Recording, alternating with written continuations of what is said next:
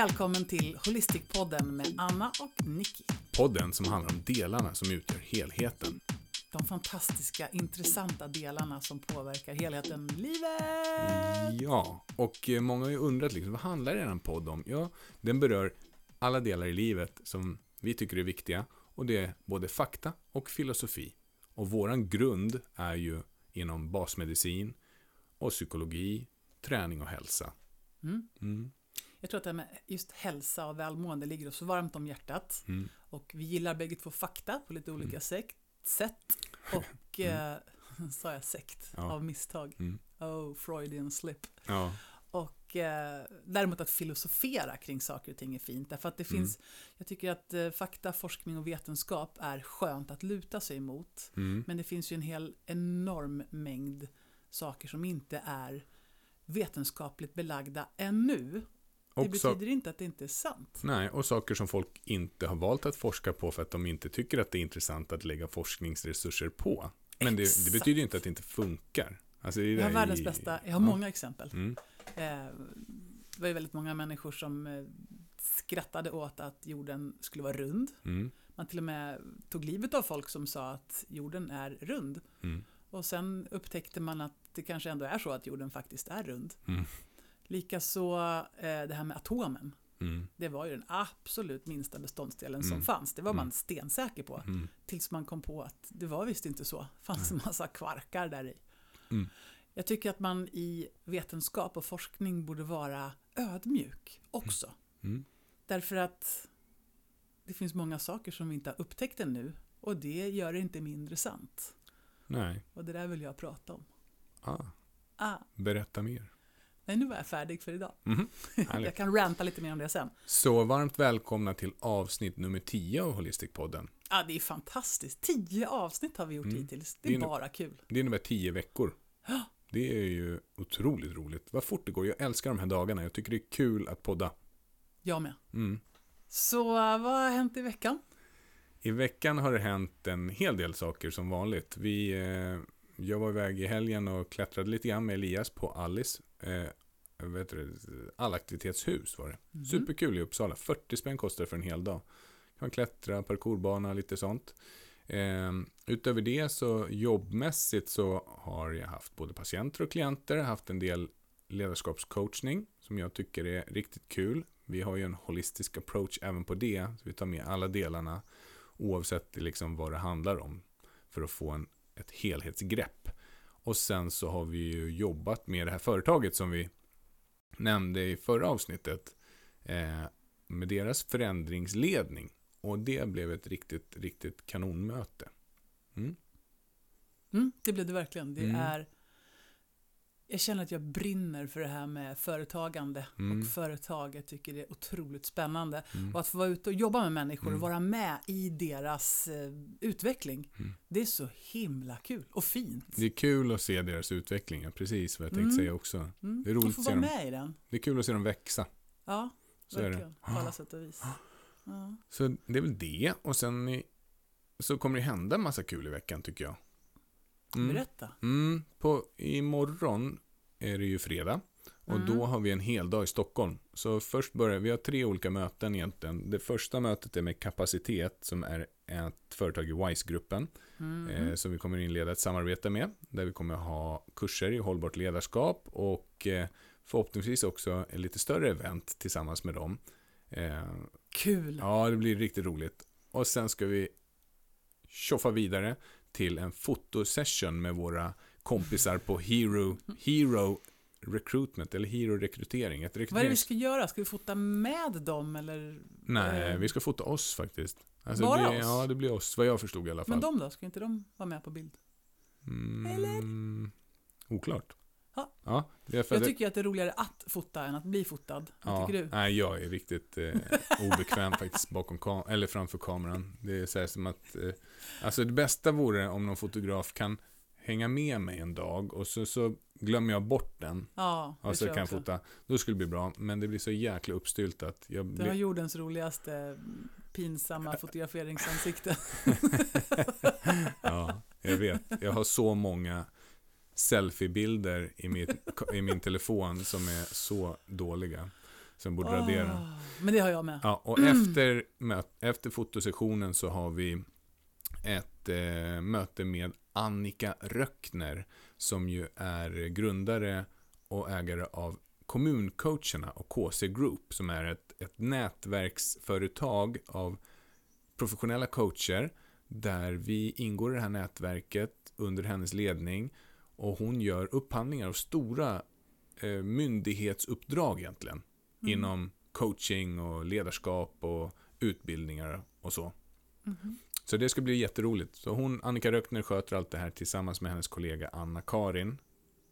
Just precis. Och det som är så fantastiskt coolt med de här tjejerna Ja. är att de har tagit det här initiativet att samordna och styra upp. Därför att när man ska vända sig till eh, myndigheter Mm, så behöver man ju göra upphandlingar och Mm. det är ju en jättebesvärlig process mm. som är mig helt eh, vatten över huvudet. Och egna lagar och grejer. Och det, är, Mm. alltså, det är så sjukt eh, mycket material som ska in. Mm. Och det hon gör då är att hon ser till att hon dels kontaktar duktiga, professionella, kunniga coacher och sen så gör hon de här upphandlingarna och sen så ser hon till att de kommer ut på rätt ställen och gör skillnad på riktigt. Och det är Ja. precis så det ska vara Ja. med coaching. Så det är grymt. Mm. Så det uppdrag som är uppe på tapeten nu, det är ju upphandlingen som de vann för Arbetsförmedlingen. Arbetsförmedlingen har ju varslat flera tusen personer och är en stor förändringsprocess överlag. Mm. Och där har vi uppdraget att få vara med och coacha deras 800 av deras chefer. Eller Mm. alla chefer egentligen på alla nivåer.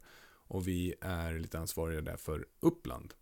Och när man tittar då på det här med behov och vad man behöver så Mm. behöver man ju bland annat variation och trygghet. Och just Mm. nu så är ju variationen lite för stor Mm. kan man gissa Mm. inom Arbetsförmedlingen. Det är otrygghet och det är varsel och det är uppsägningar. Mm. Och då kan man behöva lite coaching och vägledning. Mm. Så det blir bra. Och förra avsnittet så pratade vi om alla våra olika behov. Mm. Mm. Och det var lite mer så här fakta, späckat. Ja, precis. Vi tittade på tre vedertagna effektiva modeller som Ja. vi kunde knyta till de tre delarna i det holistiska livshjulet som vi jobbar med. Mm. Och då blir, då blir det väldigt mycket fakta, Mm. eh, men väldigt användbart. Mm. Det är något som man verkligen kan, man kan gå tillbaka till det här avsnittet och bara använda delarna man vill. Är det mer filosofi då idag då? Kanske, Mm. kanske, jag hoppas det. Jag ska få prata lite högt och lågt och känslor och djupdyka lite grann. Ja. Jag pluggar ju lite filosofi nu med, eh, med mellandottern, alltså med Maja. Just det, ni pluggar filosoferna. Ja, precis. Mm. Så då gjorde jag en liten storytelling-variant med pluggandet med henne. Det går riktigt bra. Nu har man lärt sig själv nu om Hippokrates och Mm. Sokrates och Platon och Aristoteles. Och Mm. Vad är en sokratisk fråga? en sokratisk fråga är en fråga som får mottagaren att tänka efter lite grann. Man Mm. kan inte riktigt eh, svara på den bara direkt, utan man behöver ge den en liten funderare. Och det kan ju vara till exempel öppna frågor, när, var, vem, var, hur, varför. Som man inte kan svara ja eller nej på Ja. till exempel. Man måste liksom formulera. Ja, precis som jag sa. Så när, var, vem, var, hur, varför, på vilket sätt, eh, istället för och sådär. Mm. Ja. Så det, det, Det är bra frågor att ställa när man Mm. vill få den andra personen att tänka till lite grann. Mm, Mm. Ja verkligen. men du, eh, på tal om behov Mm, så tänkte jag berätta om att jag var ute i veckan och promenerade mhm. med våran lilla hund. Mm, Och jag har ett behov av att få komma ut i skogen och naturen. mm. Och jag brukar gilla alla årstider men just nu så tycker jag faktiskt att det börjar bli lite ah, jag har ett behov av mera vår. Alltså, jag skulle inte, I wouldn't mind lite torra stigar, lite solvärme på huden Åh, och allt det lite där.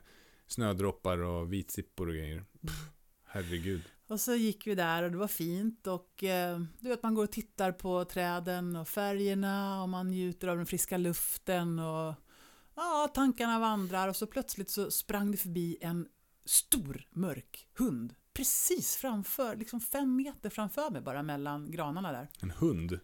Ja, Jaha, tänkte jag. okej. Och så tänkte jag nu kommer snart hundens ägare. Mm. Men det kom ingen ägare. Nej.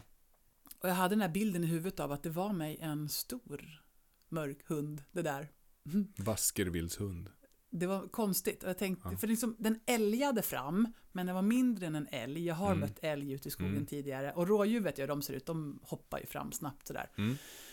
Så det stämde liksom inte riktigt. Och då blir man lite så här likaledes nyfiken och likaledes rädd. Och Milo, hur reagerar Milo? Milo började flåsa och han blev alldeles till sig. Men han har ju liksom varken eh, jakt eller revirtänk.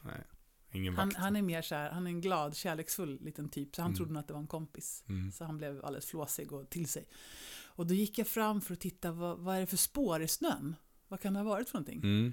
Och då såg jag stora, handflatstora, tassformade Mm. spår. Du skickade det till mig. Jag skickade dig och så började jag googla lite fort och vad jag förstod så tänkte jag det måste vara en, det måste vara en varg. Och jag kände bara, alltså gå hem, Ja, du bara snälla. gå hem. Jaha. Och då, då kände jag ett behov av att vara mindre ensam och mindre långt ut i skogen.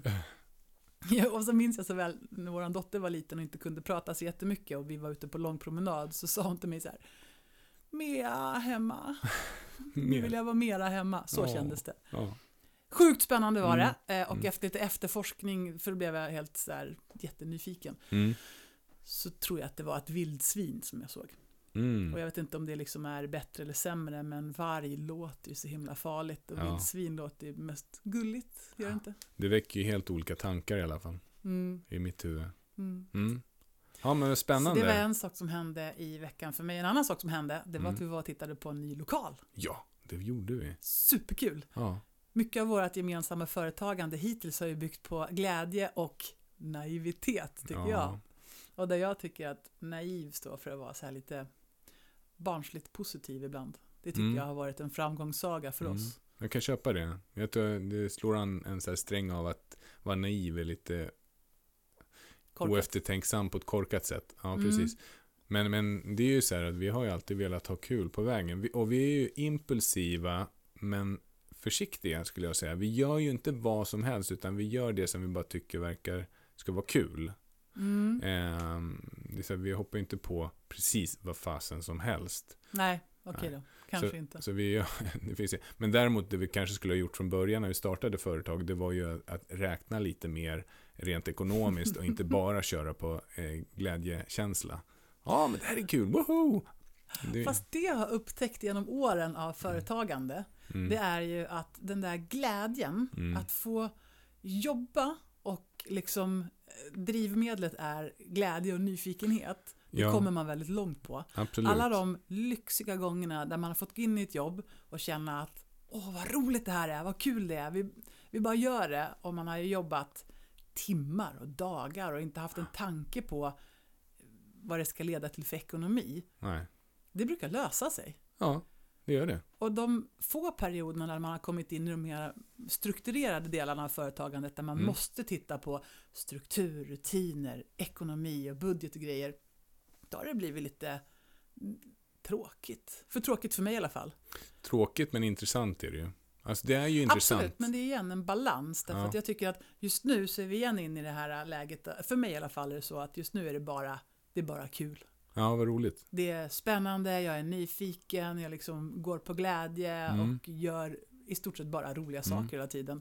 Och det bär mig väldigt långt. Det är ju intressant. Idag, dagen idag till exempel, den har ju sett ut så här. Eh, några patienter på förmiddagen, Mm, podda lite grann, mm, sen så käka lite lunch, ha några patienter, podda lite till. Mm. Och så där är våra dagar. Vi hoppar ju ofta emellan olika uppdrag och sånt. Och imorgon är en hel dag med massa möten. Så Mm. det är superroligt. Du, en annan grej som jag kom på. Som är helt Ja, otroligt. just ja! Det, det är ju så här att det, det händer ju någonting i maj. Yes! Kan du berätta? Ja, men det är ju ett fantastiskt tillfälle. Vi har nu kommit fram till en Holistic Weekend. Mm. Och det här är, tänk, tänk dig det här. Mm. Du har gjort en arbetsvecka Mm. Och så checkar du ut lite tidigare på fredagen. Det är lite busigt sådär. Mm. Så att vi sätter igång klockan tre ute på Krusenbergs herrgård som Mm. ligger mellan Knivsta och Uppsala. Jättefint ställe. Otroligt fint. Då ses vi där. Mm. Och så börjar vi med att eh, vi börjar med att samlas och så Mm. kommer vi att träna tillsammans. Mm. Vi kommer att göra en fantastisk nedläggning, djupavslappning tillsammans. Vi Mm. kommer att gå ner till eh, den vedeldade bastustugan. Ja, just det. Och där kan man få lite bubbel och lite snacks och lite kasamhäng. Och för alla som vill så blir det kallbad i sjön Mm. och bastu. Mm. Och sen sådär framåt kvällen så går vi upp och har en tjusig herrgårdsmiddag. Det blir med varmrätt och man dricker det man vill dricka och det blir Ja. efterrätt. Och kaffe i de tjusiga salongerna och så får man höra lite grann om Vita frun Oh, som är husspöke där ute. alltså. Snällt spöke. Och sen få börja sin lördag med yoga. Lång frukost, vet man plockar frukost och Mm. sitter och pratar och plockar lite Mm. till och dricker Mm. kaffe. Och, Mm. ja, så jädra härligt. Sen kommer vi ha en gemensam eh, föreläsning på temat holistisk hälsa och hållbart liv. Mm. Och så kommer vi ha en tjusig herrgårdslunch. Mm. Och vi kommer att träna lite till, vi kommer att göra en kraftfull målsättning tillsammans. Mm. Fika lite och sen upptäcka att men, klockan är bara tre på lördag. Mm. Jag har nästan hela helgen kvar. Mm. Och så har man liksom bara boostat in en hel, ett helt dygn. Ja. Och det där upplägget är ju så himla, himla, himla smart. Mm, jag älskar det. Det är ju som att helgen blir dubbelt så lång. Mm. Vi gjorde den här helgen i januari förra året Mm. och då var det just precis den effekten att folk Mm. tyckte men fasen vad bra, de har hela helgen kvar och ändå Mm. har det hänt så Mm. mycket på ett dygn. De var jättenöjda och det var jag med, det var Ja. magiskt. Mm. Så det gör vi och det är Mm. den 3 till 4 maj och anmälningarna har börjat rassla in ska jag säga. Ja, så det häftigt, vad är kul. bra om man går in på en hemsida, Mm. Form Holistic. Hur många platser är det totalt? Det får vi se. Okej. Så formholistic med c.com och så Mm. klickar man på Holistic Weekend så kommer man till ett anmälningsformulär. Mm. Och där fyller man i det. Och så är man anmäld. Okej. Hoppas Härligt. ni kommer dit! Ja, verkligen. Ämnet för idag Mm. är en fortsättning på förra veckans podd som handlade om behov. Mhm. Då var det mer faktaspäckat, nu kommer vi att filosofera. Jag gillar sånt. Djupdyka lite grann. Mm. Så idag kommer vi prata om hur man validerar och reglerar behov. Vad tänker du då? Jag tänker att eh, det är två stycken eh, svåra ord. Ja, Mm. så validera, Mm. det betyder att ge något ett värde. Okej. Som att det faktiskt räknas. Mm. Som att man för sig själv erkänner att jag har faktiskt de här behoven och de är viktiga. Mm. Mm. Inte, det är inte samma som bekräfta alltså. Det skulle det väl på ett sätt kunna Ja, vara. men man kan ju bekräfta att jag ser, jag ser dig, Mm. men då är det inget värde i det. Men en validering innebär att man värdesätter det. Man sätter ett värde på det man ser. Det kan jag inte svara på. Jag ser kan att du har gjort en fin eh, blommålning. Nej. Det farbror Barbro. Ja. Och eh, att reglera ett behov, det Mm. betyder ju att man tillgodoser det. Okej, Mm. Eller Så- får det tillgodosett. Ja. så att värdesätta och att eh, tillgodose. Just precis. Okej, bra, då förstår jag. Det är dagens ämne. Mm. Och vi kan också säga att eh, det här är något som man kan göra för sig själv, men också för andra. Mm. Att validera och reglera behov. Mm. Och det tror jag att vi gör lite grann hela tiden. Mm. Så om det ämnet som vi pratar om, validering och eh, behovsreglering, vad, vad, tänker, vad ska det leda till i sådana fall, tänker du? Jo, då har man sett att när man inte får sina behov bekräftade och eh, tillgodosedda, Mm. då brukar det leda till att man blir, eh, inte mår så bra. Jaha, på vilket sätt då?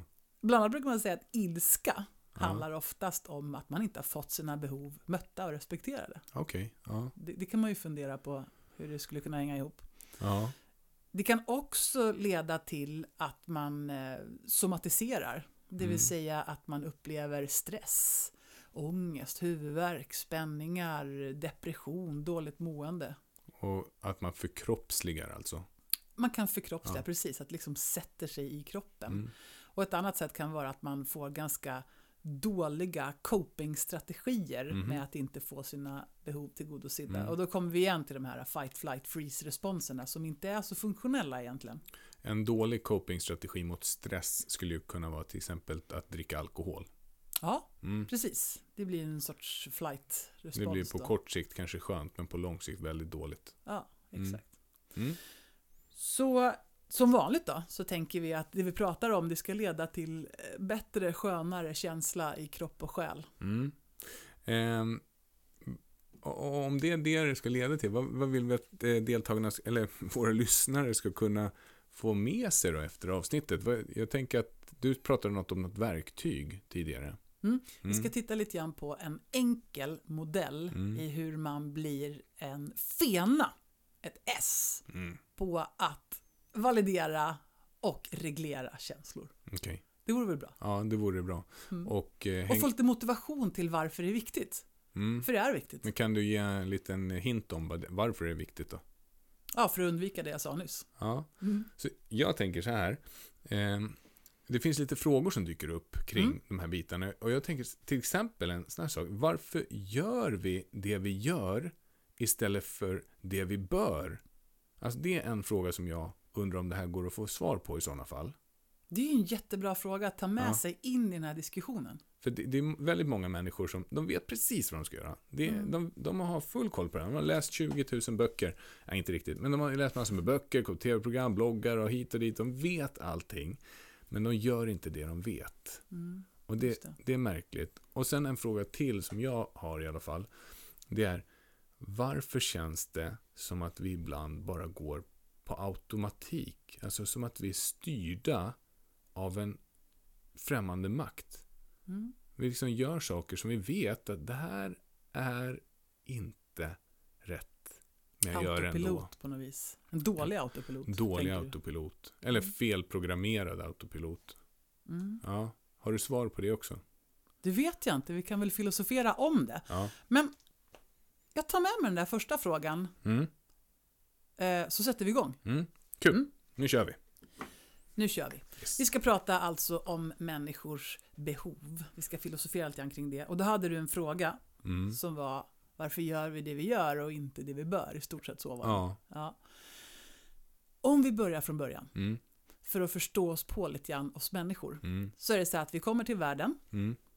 och frågan är på vilket sätt anländer vi egentligen? Storken. Eh, så, så måste det vara. Ja. Ja, Mm. eh, för alla har ett här storkbett i nacken. Mm. Har du sett det? Nej, Nej, Inte det har de. Kolla får du se. okej. Ja. Ja. men det förklarar ju saken. Mm, Alltså, det, klart, det är där storken håller när Mm. den sen släpper ner Mm. Men om, om det inte är storken.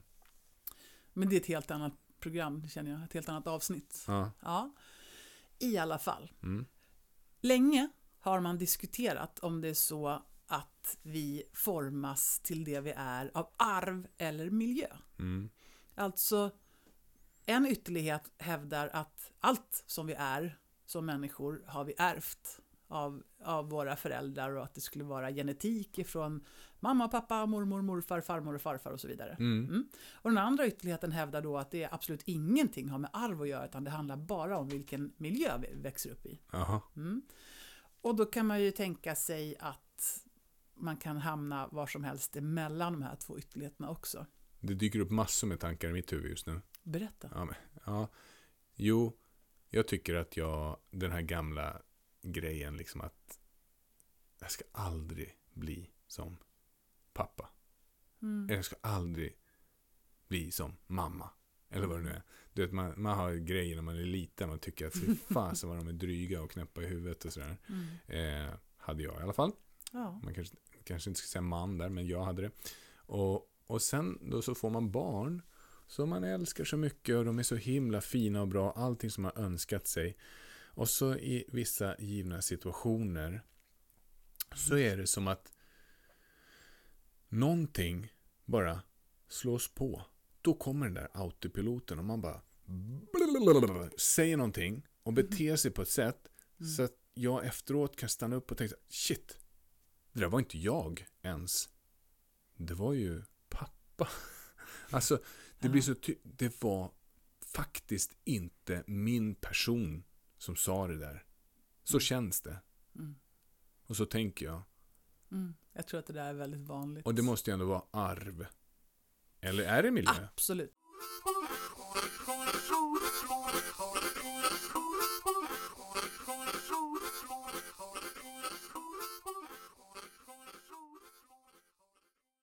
Tidigare trodde man att bebisar föddes som tomma skal som skulle fyllas med innehåll. Sen fick man för sig att det mesta redan var förutbestämt genom vårt genetiska arv.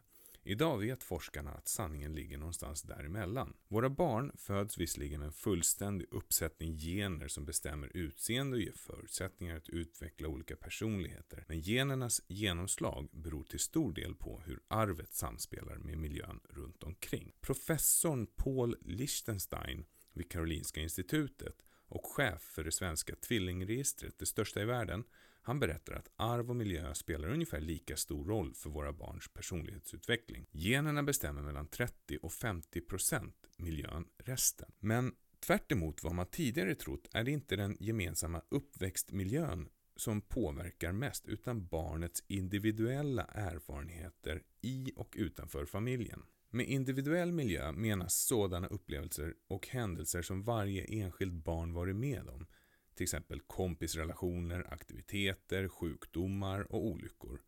Även inom familjen får syskon sina egna unika upplevelser. Dels behandlar föräldrarna sina barn olika och dels upplever barn det som händer omkring dem på olika sätt. Barnets skilda gensammansättning gör att de uppfattar och påverkas olika av det som sker omkring dem. Det är därför man kan sitta och prata med sina syskon om sånt som har hänt i barndomen och minnas samma händelser på helt olika sätt. Bara mellan 5 och 10 procent av miljöpåverkan kommer av den delade uppväxtmiljön medan ungefär 50 procent beror på den individuella miljön, säger forskaren Paul Lichtenstein. Den individuella miljöns betydelse kan alltså förklara att många syskon är så olika varandra som personer, lika i vissa avseenden, men varandras motsatser i andra.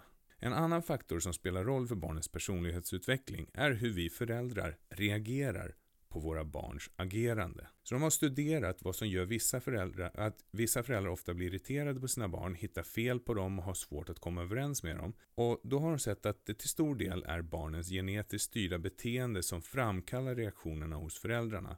Men om vi föräldrar vill förändra relationen till våra barn är det vi vuxna som måste lära oss att reagera annorlunda på barnens agerande.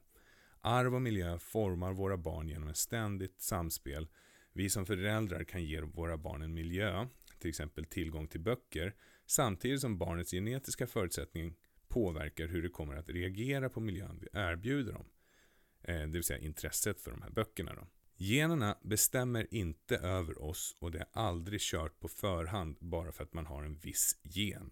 Det finns till exempel ingen gen för kriminalitet, säger Paul Lichtenstein. Han är just delaktig i ett forskningsprojekt om så kallade maskrosbarn. Där försöker man ta reda på varför vissa barn går starka ur en tuff uppväxt medan mängder av positiv, med mängder av positiv energi medan andra nästan går under. Det är mycket möjligt att barn med en viss genuppsättning reagerar helt, helt annorlunda på motgångar än andra, säger han. Det, det han också säger, det är att arv och miljö spelar ungefär lika stor roll. Det vill säga, det är ungefär 50-50. Och det är ju intressant att ta med sig.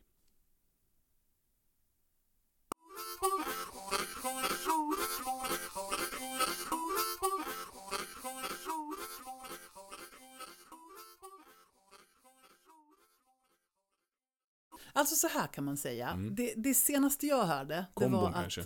den alldeles unika ingrediens som barn kommer till världen med mm. är temperament. Mm. Det tycks vara medfött och unikt. Mm. Så att man kan ha mycket temperament, mm. eller lite, eller lagom eller allt däremellan. Och där brukar man redan där prata om att eh, det är bra om det här kanske matchar hyfsat bra. Ja. Så att om du föds som barn och har väldigt mycket temperament, har Mm. mycket intensitet Mm. och kommer till två föräldrar som har väldigt lite temperament, Ja. då finns det ju en överhängande risk att du växer upp och känner dig för mycket. Man känner sig som eh, liksom, fula ankungen. Ja, precis. Jämfört med då den miljö man växer upp i. Och vice versa, om du kommer till världen och har väldigt lite temperament Ja. och växer upp i en miljö där mamma och pappa och de runt omkring är väldigt temperamentsfulla och intensiva, Mm. då kanske du undrar varför du inte är det, utan är mera, Mm. lite, lite mer lite lugn. Ja, och det där är intressant för att innan jag började lära mig mer om de här sakerna så trodde jag att temperament var någonting negativt för då är man ju arg. Alltså man är, då, är man, Mm. Då är man ilsken och arg, då har man temperament. Men, Mm. Men temperam- nu tänker du att, Nej, men, jo, nu tänker jag att temperament är ju det, det spektrum av beteenden som du uppvisar. Du kan Mm. vara till, lugn till ditt temperament. Och du kan Mm. vara hetsig till ditt temperament. mm, Och du kan vara balanserad i ditt temperament. mm. Och så vidare. intensitet kanske Ja, men- man skulle kunna ja. säga. Intensitet och intention. Mm. Alltså hur du väljer att agera i vissa givna situationer. Mm. exakt. Det, det känner jag. Ehm, mm. Jag till exempel Mm. kom ju till världen med ganska mycket temperament och folk i min omgivning har ju ibland reagerat när jag var liten har jag hört Mm. på eh, mitt temperament. Mm. Och eh, Nu någon- också. Någon, någon snäll faster sa att Åh, jag är så glad att jag har sett hur Anna betedde sig när hon var liten, annars hade jag nog trott att min dotter var sjuk i huvudet. det var väl fint sagt. Ja, men ändå, jag förstår henne exakt. Nej, skojar. Ja, jag förstår också. Ja. Själva grejen var att min mamma kunde matcha mitt temperament väldigt bra Mm. och vi liksom, vi rök ihop och Ni var sjuka i huvudet samtidigt. Så kan man också säga, Ja. men vi hade temperament tillsammans i Mm. perioder och sen så förstod vi varandra helt och hållet när det var klart och Mm. över och sen så kunde vi fnissa och skratta och ha hur kul som helst och vara bästa vänner. Mm. Det var jättegulligt ju. Så att Mm. ett barn Mm. föds Mm. med ett visst temperament. Och sen kan man säga att det här barnet, det planteras som, en frö, som ett frö Ja, ner i en mylla. Jorden alltså. Och myllan Mm. skulle då vara den omgivning som barnet sen får växa upp i. Mm. Mamma, pappa, syskon, släktingar, vänner och allt vad det nu kan vara Mm. som påverkar. Eh, när jag går ut i skogen om våren Mm. så brukar jag bland annat kika efter blåsippor. Mm. Anemone hepatica. Okej. Någonting med lever. Ja, precis. Hepar. Bladen är formade som levern och därför heter den hepatica. Mhm. Alldeles riktigt. Mm. Och då är det slående att de här, samma sorts blomma Mm. kan vara mörkt, mörkt lila. Mhm. Ibland är de lite mer ljuslila, ibland är de mera blå, ibland är de helt rosa. Mm, Och i vissa ibland. fall så är de helt kritvita. Mm. Och då är det så här att det beror på i vilken miljö de har växt upp och vilket pH-värde det är i myllan. Mm. Och det här drar ju tankarna till hur miljön kan påverka oss människor. Just det, de är fortfarande blommor. De är fortfarande blåsippor. Ja, de är fortfarande men, Men de, beroende på att de har vuxit olika, upp i olika miljöer Ja. så har de utvecklat olika temperamentsfärger. Ja, Kanske. så skulle man kanske kunna säga. Ja. Så det man vet, det är Mm. att vi människor, vi Mm. är väldigt flexibla. Mm. Det finns ett uttryck som heter survival of the fittest Mm. och det avser då att genom evolutionen så är det de som har varit mest fit som har överlevt. De Ja. generna har liksom producerats vidare. Mm. Och de har länge tänkt att ja, de starkaste har Mm. fått vinna. Mm. Men det stämmer inte. Nähä. Utan fit betyder i det här avseendet de som har varit mest flexibla och Anpassade. adaptiva, anpassade till sin omgivning. Och barn är fenor på det här. Mm. Så att ett barn kommer ganska snabbt att lista ut hur den måste bete sig för att få ut så mycket som möjligt av sina behov, alltså få sina behov tillgodosedda. Mm. Mm. Eh, om ett barn skriker och gnäller, Mm. ja då kommer mamma. Mm. Och man får värme Mm. och närhet Mm. och tröst Mm. och mat. Alltså är skrika en bra strategi. Därför de lägger sig ner på golvet på Ica och skriker om de inte får det de vill ha från hyllan. Men jag vill ha godis nu! Vet du, allt det här är ju så himla forskningsbaserat och intressant Ja. att ja, till en början så skriker ju bebisbarnet för att få tröst och näring och allt det här Mm. och om allt funkar som det ska så får ju barnet det Mm. och det blir pålitligt. Mm. Eh, och så småningom så behöver ju inte barnet liksom brista ut i gråtskrik för att få det den behöver. Men om ett barn lägger sig på golvet på ICA och gapar och skriker och vill ha godis Mm. och barnet får det, ja då är ju det en effektiv metod för att fortsätta. Ja. Så det man har sett genom utvecklingen, det är ju så här att de beteenden som förstärks, Mm. de kvarstår. Så då måste man släcka ut dem egentligen. Och de beteenden som inte leder till någonting, ja, de släcks ut Mm. faktiskt. Så, då, då, så om jag tolkar det rätt så är det så Ja, att och, om vi leker, vi är lite hårda nu då. ja men att barnet ligger och skriker på ICA Mm. och det får noll uppmärksamhet för det här. Mm. Man bara, man gör ingenting. Mm. Då, till slut så tänker jag då att då måste ju det här beteendet så småningom släckas ut och Mm. barnet tystnar så småningom. Det problematiska kommer ju i det sociala sammanhanget Mm. att det är inte okej att göra så. Men ditt barn skriker ju på marken. Men du måste ju ta upp ditt barn och säga åt ditt barn eller någonting. Alltså de bitarna kommer ju in. Mm. Och då blir det lite knepigt då när det Mm. kommer till barnuppfostran. Mm. Som vi tycker olika. Mm. Mm. Exakt, men precis så är det. Att eh, de beteenden som vi blir förstärkta i, de kommer att fortsätta. Och de beteenden som vi inte får någonting av, de kommer faktiskt att dö ut. Mm. Och det här är ju en sån här gammal, supergammal eh, vetenskaplig upptäckt inom psykologin som man ju egentligen kan använda i hela sitt liv, i alla sina relationer, Mm. om man skulle vara riktigt lurig. Ja. Mm. Mm. Så att barn Mm. formas av sin omgivning och de blir jätteduktiga på att bete sig så att så många som möjliga av deras behov möts, på gott och på ont. Om man till exempel har ett behov av uppmärksamhet, Mm. om man inte får det här behovet mött på ett positivt sätt, ja då kan man lika gärna ställa till ett jädra bråk, därför då kommer man att få uppmärksamhet. Och Skriker även om och det skulle då till exempel vara att man får massa skäll och bannor av sina föräldrar, Mm. så är det uppmärksamhet. Ja. Och alltså kommer beteendet att fortgå. Det är ju egentligen ganska självklart, men det är ju skrämmande också. Mm, men det är tänker så här man som- tänker på det. Nej, men och som förälder eller partner eller whatever som människa så tänker man, jag tror att det är ganska lätt att man liksom börjar slå på sig själv då. Shit, men det har ju jag gjort. För fasiken, oj, oj, oj, det är jag som är orsaken till alla problem hos min dotter eller min son eller hos min partner. Det är mitt fel och sådär.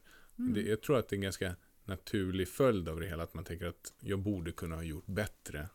Men det är Mm. aldrig för sent att börja, eller hur? Det är aldrig för sent att börja. Vi är Nej. flexibla, vi Mm. människor. Mm. Så eh, när man pratar med människor, till exempel till KBT, så är det inte alltid jätteviktigt att titta hela vägen tillbaks och gräva i barndomen. Nej. Men det kan vara ganska så bra att göra en liten analys av hur växte jag upp och vad var det som påverkade mig. Därför att det formar oss som människor och det hjälper oss att förstå varför vi gör det vi gör. Exakt. Så ett barn till exempel då Mm. eh, kommer att utveckla ett sätt att bete sig Mm. för att få sina behov tillgodosedda Mm. och tillfredsställda så mycket som möjligt. Så man lär sig lite olika grejer. Eh, och beroende på vad som råder i en familj. I vissa familjer så belönas prestation väldigt högt. Mm. Och då kommer barnet förmodligen att lära sig att det här med att prestera, det är viktigt. Mm. Och det kan bli ett väldigt duktigt och högpresterande barn då. Det är lite olika mellan våra familjer. Mm. Vi har ju lite olika scheman in i våra, i våra gemensamma liv. Ja, verkligen. Alltså om, eh, om man tänker sig ett schema med olika ämnen och olika ämneskategorier och som man tar med sig då så ska man försöka enas om det här att mitt schema eh, över min, min uppväxtfamilj, Mm. där var det till exempel så här att eh, ehm, jag hoppas inte det blir något förtal gentemot mina föräldrar nu, men, men hur som helst, så här var det. Att eh, i min familj, då var det så att har man gjort någonting bra, då var det tyst. Alltså från, framförallt från min fars sida. Mm. Han gav inte beröm. Liksom, bra jobbat, bra gjort eller sådana saker. Du fick aldrig, aldrig beröm. Nej, det är min upplevelse. Och eh, däremot så fick vi kritik. Och då har jag frågat honom på senare år, varför var det sådär? Vad, vad var det som var så jäkla svårt? Hur, varför kunde du inte ens säga bra jobbat? Alltså jag har ändå gjort ganska många stora prestationer i livet. Man borde Du var kanske värdelös. Förlåt.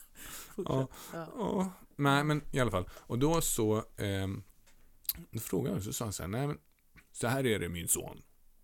Om du har gjort någonting dåligt, då får du kritik. Och har du gjort någonting bra, då säger jag ingenting. Och då borde du veta att det är bra. Mm. Men när man är liten Mm. och ett barn, då är det inte säkert att man vet att det är bra för att det är tyst. Utan det enda man märker är att man inte får någon bekräftelse alls. Mm. Och jag, min personliga känsla är att jag hade så jäkla gärna behövt höra från honom då att bra gjort. Nu var du duktig. Mm. Bra jobbat. Självklart. Ja, min mamma bidrog med det till stor del. Mm. Men hur tänker du att det har påverkat dig där, på gott och på ont? Jo, det har påverkat mig på så sätt, på gott sätt att jag har behövt hitta bekräftelsen själv. Jag har behövt hitta sätt att eh, få, ge mig själv den här bekräftelsen och söka upp det också. Att om, nå- om jag gör någonting och någon tycker att det är bra så är jag väldigt noggrann på att hitta den personen som faktiskt har gett mig berömmet och suger åt mig av det. Du är jätteduktig Ja. på att se eh, de positiva bitarna Ja, på men vissa sen, områden. och sen, däremot så har det gett en sårbarhet också för att, att få kritik då. Mm. känns jättejobbigt. Jag har blivit bättre på att ta kritik, men det är fortfarande så att det går djupt fort. Mm. Alltså in i själen. Att, oh shit, ja då är jag dålig. Alltså, då, då har jag gjort någonting tokigt. Men kritik har jag lärt mig på senare tid. Det är liksom feedback. Och Mm. får jag feedback så är det faktiskt en möjlighet för mig att kunna bli bättre. Mm. Och det, den tanken hjälper faktiskt väldigt, väldigt, väldigt bra. I min familj så upplever jag att jag, jag under min uppväxt har fått väldigt, väldigt mycket beröm, Mm. push, Mm. uppmuntran, bekräftelse, uppmärksamhet. Jag har alltid Mm. fått höra du är så duktig, oj vad du kan, Mm. åh vad du är bra. Mm. Och det där har ju stärkt mig, Mm. tycker jag. Jag märkte det när jag kom in i familjen. Då var det så här, det- jag var så här, wow, det var så hur, alltså håret stod bakåt, det bara, bara man får beröm, hej vilt, du är duktig och bra, du är så himla fantastisk. Jag, åh, åh, åh. jag visste inte hur jag skulle ta emot det där. Eh, mm, Okej, eh, tack. Ja, va? mm. Ja, men precis. Jag blev Eh. helt stum. Ja, jag fattar. Och det där är du uppvuxen med. Ja, det där är jag uppvuxen med. och Jag, jag kan inte låta bli att tycka att det har varit bra. Mm, Alltså vilken schysst grej att göra mm, för någon. Mm. Sen, ja. I alla fall, så jag, jag har fått jättemycket pepp och beröm och sådana saker. Och jag tycker också att jag har liksom på uppsidan då så har det ju stärkt mig. Jag har Mm. känt mig väldigt, väldigt duktig. Eh, och jag tycker att jag har fått lyckas med väldigt många saker och jag har gått in i grejer med ganska stor själv, eh, självförtroende mm, i att det här kan jag, Ja. såklart. ja, Eh, och på nersidan så kan jag väl tänka att det har format mig på så sätt att jag förväntar väldigt mycket av mig själv. Hur då, tänker du då? Nej, men jag tänker att om, om jag nu är så där jäkla duktig och kan så himla mycket, då är det väl bäst att jag gör någonting av det. Och Ja. ibland har jag känt att åh, jag borde ha gjort bättre, jag borde ha åstadkommit mer, jag borde ha, ja, du vet, prestationspressen sitter ju där. Ja, men, och det där är ju så himla knäppt egentligen. För, för mig så fungerar ju det också åt andra hållet. Att jag ska minsann visa att jag inte är värdelös. alltså, det blir, då blir Mm. det en, en drift istället Mm. då. Istället för en brist. Mm. Man, och, men å andra sidan kanske det är ett medvetet val. Att man väljer att göra det så. Jag ska, Mm. fa, jag ska bli bäst på det här ämnet. Jag ska bli riktigt duktig här. Så ingen kan säga till mig att jag är dålig på det här. Mm. Eh, Allt kan ju bli en bra drivkraft i livet liksom, om man vill. Och allt kan också egentligen bli att åh, oh, oh, oh, det här är så jobbigt för mig, stackars mig, vilken, bä, vilken börda att bära på. Så det har gått ganska bra för oss båda två med andra ord. Egentligen kan man väl säga. Alltså ingen av oss är ju helt koko. Eller om ja. jag ska återgå ja. så är det Mm. så här att eh, barn Mm. lär sig att lista ut hur de ska bete sig Mm. på gott och på ont Mm. för att få ut så mycket som möjligt av sina föräldrar. Mm. Barn tar också och eh, ser sina föräldrar och sin omgivning som role models, alltså modeller som man kan härma och ta efter. Därför att man lär sig ju lite grann av, så här gjorde alltid mamma, så här gjorde alltid pappa. Det finns massor med roliga exempel på hur man, hur man gör det som ens omgivning gör och ibland utan att ens tänka efter. Är det det du kallar för modellering? Det är modellering. Okej. Mm. Mm. Och eh, det finns en berättelse som jag tror, jag vet inte om du har hört den. Ja, jag vet inte vad du tänkt på. Det var en julafton och eh, barnet i familjen tittade på när mamma tog, och, tog fram julskinkan. Och så skar hon av bägge Ja. ändarna på skinkan. Och så sa barnet, varför gör du så där? Jo, men det ska man göra. Jaha, men varför? Ja, men det vet jag inte, men det ska man göra, det är viktigt. Mm. Och så tänkte hon lite grann på varför gör man egentligen, varför skär man egentligen av ändarna på julskinkan? Varför är det så viktigt? Ja, Så hon ringde sin mamma och frågade, du varför är det man gör det här igen? ja. Jaha, nej men jag hade bara en kastrull och den var för liten så jag var alltid tvungen att skära av bägge. Det är ju sjukt kul. Så Det det, fanns fint. egentligen ingen, en- det fanns inget rim och reson i det egentligen, förutom att det logiska för henne var att det måste ju få plats i kastrullen. Mm, Då skär man av liksom på vardera sida. Ja. Och om man tittar på sig själv och sina beteenden Ja. och sen liksom tittar på sina föräldrar så kan jag lova att det finns jättemånga beteenden som man har tagit rakt av utan Ja. att ens ifrågasätta Ja. utan bara, ja men så här gör man ju. Det är ju Så, självklart, det är verkligen. jättespännande. Ja, Det som är så fiffigt då, då det är att det uppstår mönster, Mm. beteendemönster. Mm. Och man kan lita på att barnet gjorde sitt bästa Mm. Och skaffade de här mönstren. Mm.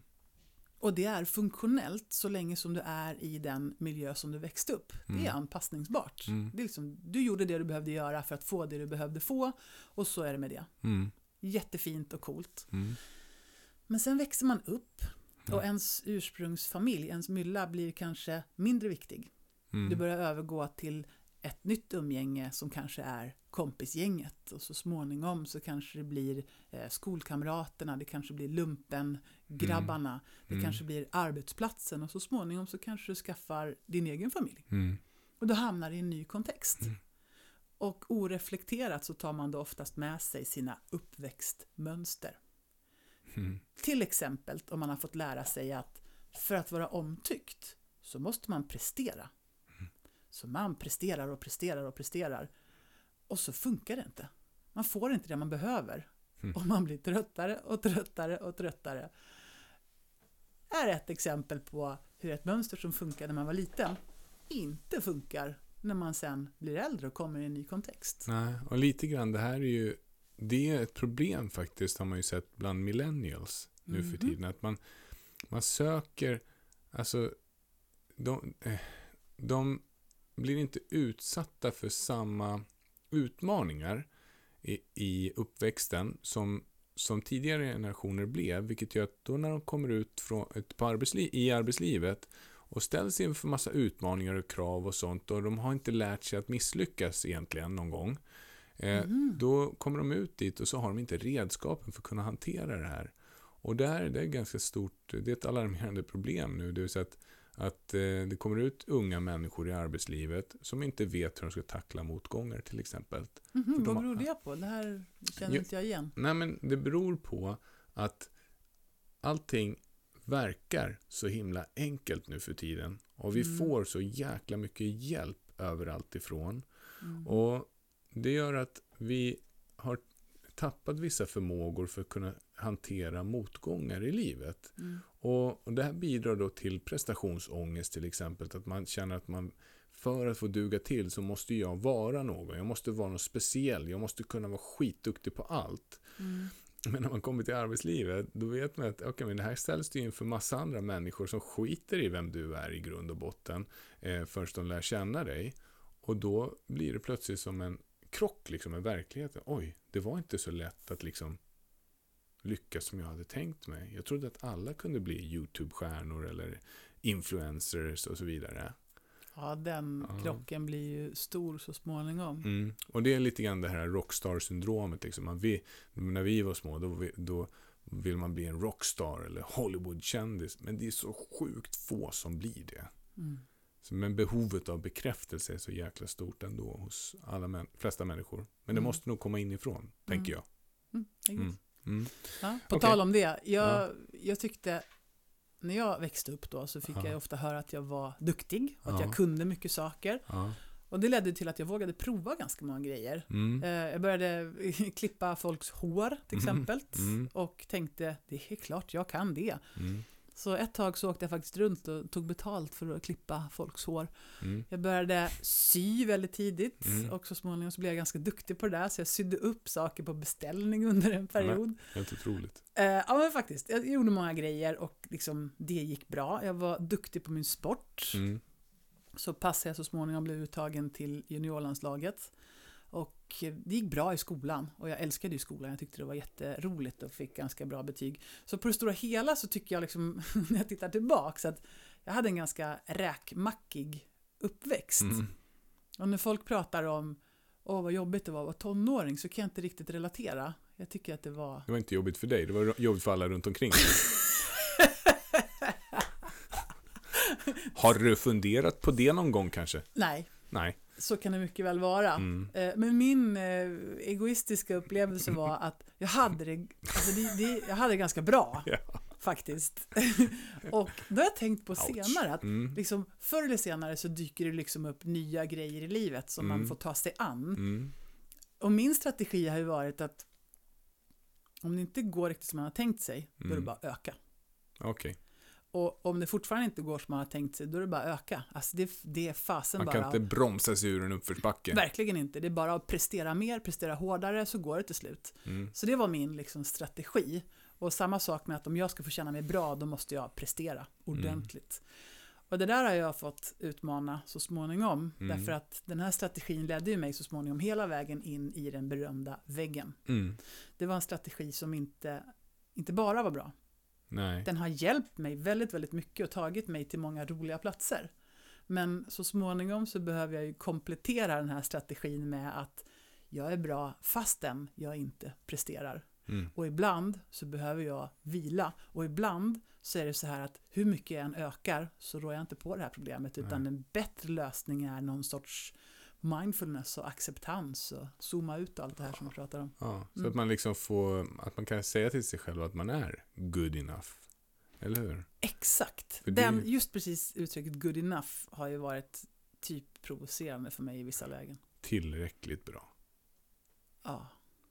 Fy fan. Second, second place is first loser.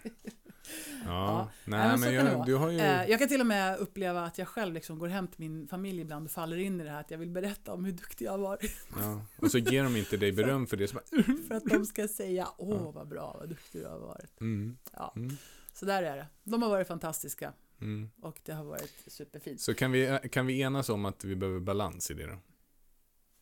Jag tycker vi kan enas om att vi människor är fantastiska att vara flexibla efter den miljö som vi växer upp i. Och att det skapar vissa mönster. Mm. Men när vi sen kommer ur kontext och in i en ny kontext, Mm. då är det inte säkert att de här mönstren är så funktionella. Nej. Och det är då som nästa steg kommer. Haha. Och det här har vi pratat om i tidigare poddar, nämligen förmågan att S-O-A-L, soul, Mm. stanna upp, Mm. observera. Mm. Hur mår jag? Mm. Hur känns det? Hur går det? Vad är det som händer? Mm. Acceptera. Mm. Aha, det är på det här sättet. Jag håller på att jobba ihjäl mig. Eller jag saknar ett sammanhang att ingå i. Mm. Eller vad det nu kan vara. Mm. Jag äter för mycket, jag äter för lite. Jag behöver mer av, mindre av. Mm. Hur gör Men man att- det då? Alltså hur, hur kommer man fram till någonting bra med det då?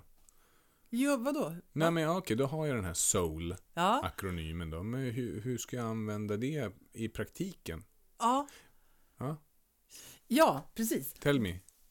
ja, men så mycket mer experter än så blir man ju liksom inte. Utan du, du bör på dig själv kunna, eller ta hjälp av någon för att just, men du behöver stanna upp. Okej. Om du bara har en känsla av skav och liksom springer från den ena dagen till den andra, då kommer inte så mycket hända. Utan du behöver stanna upp och du Men- behöver observera, alltså zooma ut. Okej, men förlåt att jag liksom bara trycker på här och så här, Ja, men, du är lite tjatig, vad Ja, jo, men jag, jag frågar på riktigt så här, okej, Mm. det- för det, när du är mitt uppe i någonting, du, det är skitmycket, det, du är så jävla stressad så du kommer inte ens ihåg eh, ditt telefonnummer eller alltså så, Mm. sjukt stressad. Mm.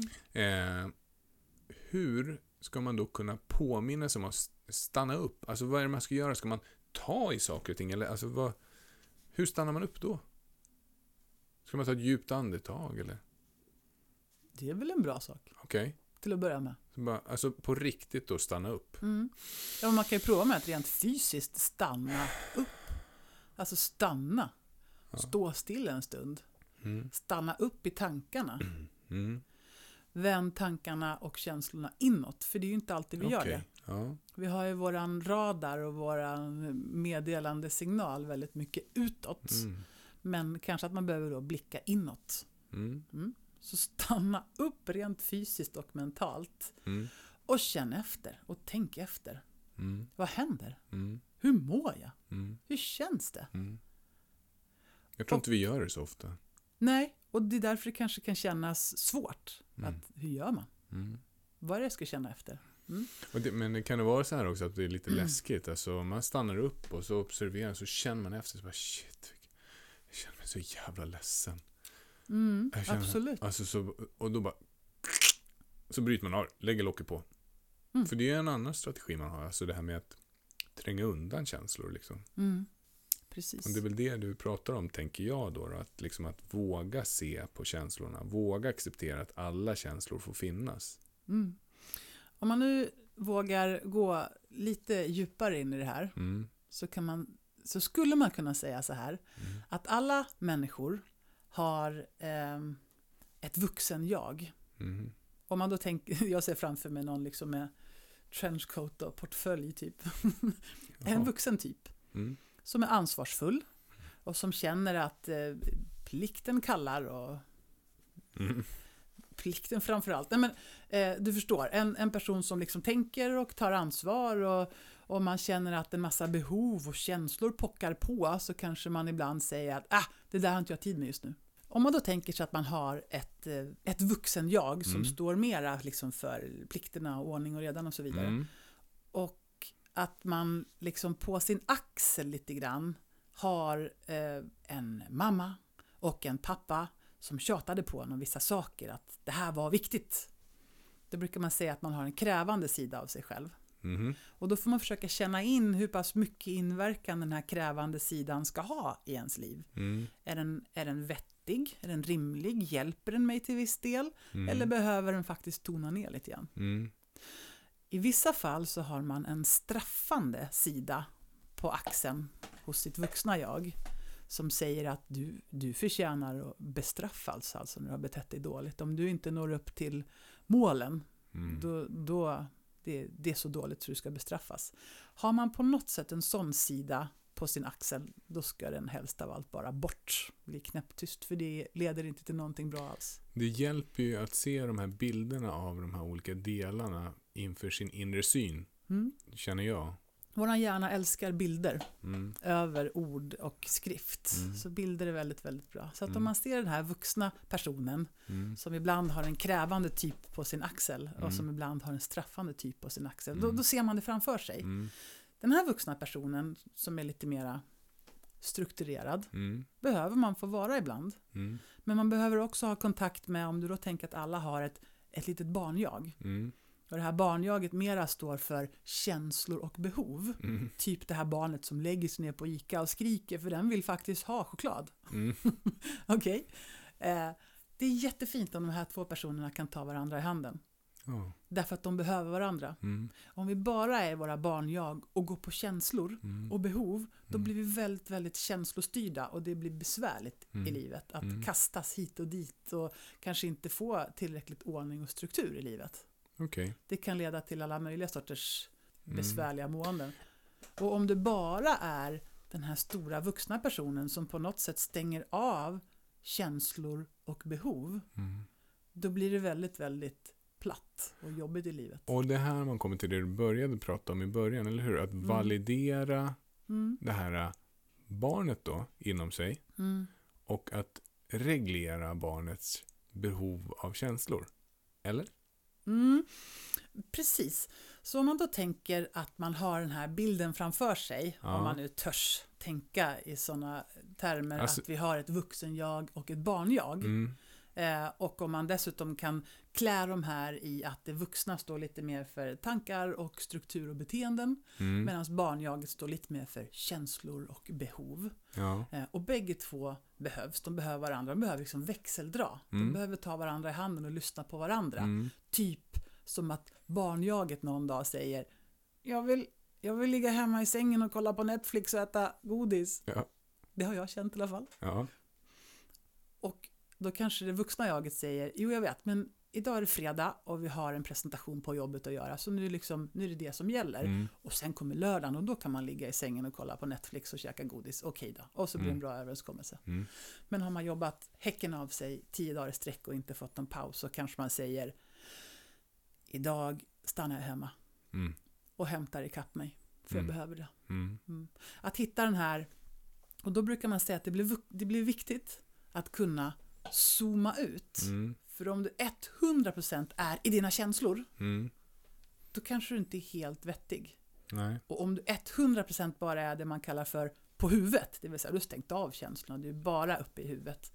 Nej, rapporten måste skrivas, det är viktigt som tusan. Det blir inte heller så nyanserat. Nej.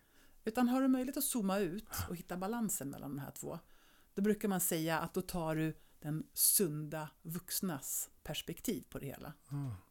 Och när du zoomar ut och ser på dig själv och ser både dina plikter och beteenden och tankar, men även dina känslor och dina behov, Mm.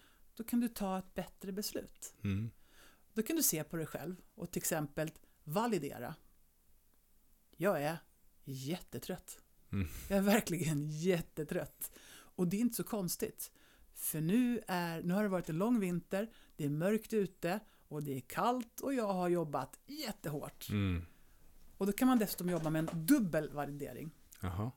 Det betyder att man kan både bekräfta känslan, alltså validera känslan och upplevelsen av att jag är supertrött. Mm. Sen kan du göra en dubbel validering och gå till dig själv och dina förutsättningar. Ehm, till exempel, och jag är ju en person som verkligen hatar vinter, mörker och kyla. Så för mig har den här perioden typ varit extra tung.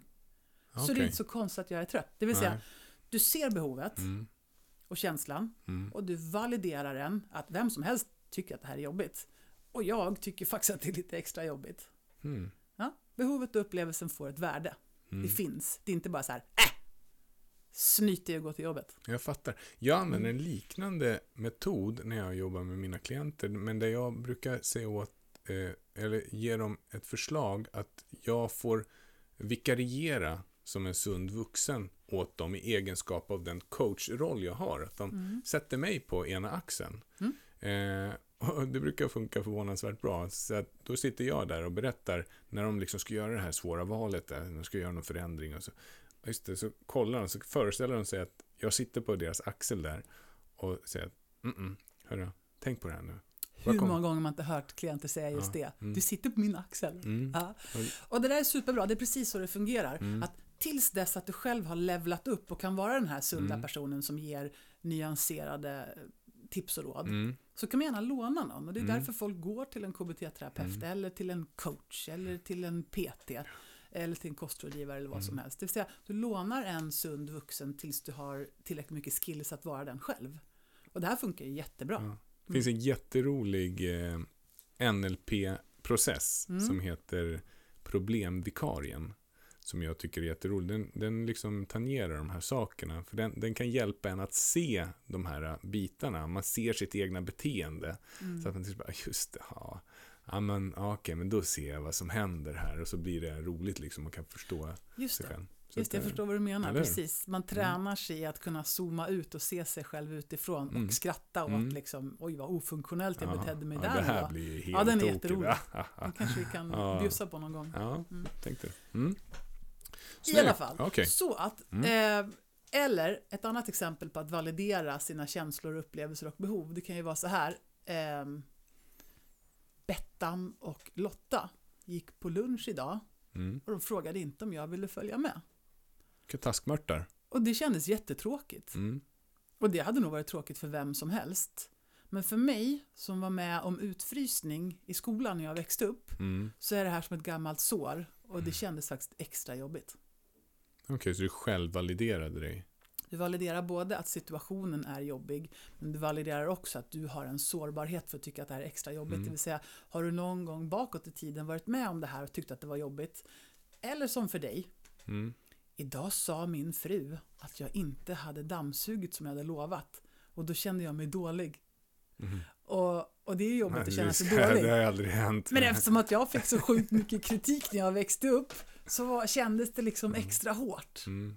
Är du med? Mm. Ja. Jag vet ju att jag aldrig gör sådana misstag. Nej, självklart inte. Men det, det är validering och det är dubbelvalidering. Och det blir helt enkelt ett sätt att stanna upp och lyssna på sig själv. Istället för att bara hela tiden skaka av sig eller låtsas som att nej, jag känner ingenting. Det var väl inget. Det, är låg, det är något viktigt i det där. Jag tar med mig det faktiskt på riktigt. Det, Mm. det är alltså att, att om jag får höra då någonting sådär så kan jag säga att okej, men jag, jag upplevde att jag fick kritik och det gjorde ont i mig Mm. och, och det är därför jag känner det här som jag känner just nu. Du touchar in Det på touchar tidigare in på tidigare sår och sånt och då, då är det inte så konstigt att jag känner. Och då känner jag direkt, att bara jag tänker den tanken så känns det som att intensiteten i den här känslan liksom sjunker. Mm. Det är precis så det är. Och det här är ju det här med acceptans. Mm. Det handlar ju om att inte fightas för att slåss mot känsloupplevelsen eller fly från känsloupplevelsen Mm. eller låtsas att den inte finns. För Sitta ju- kvar i den liksom. det är tre copingstrategier som man har när man är känsloavstängd.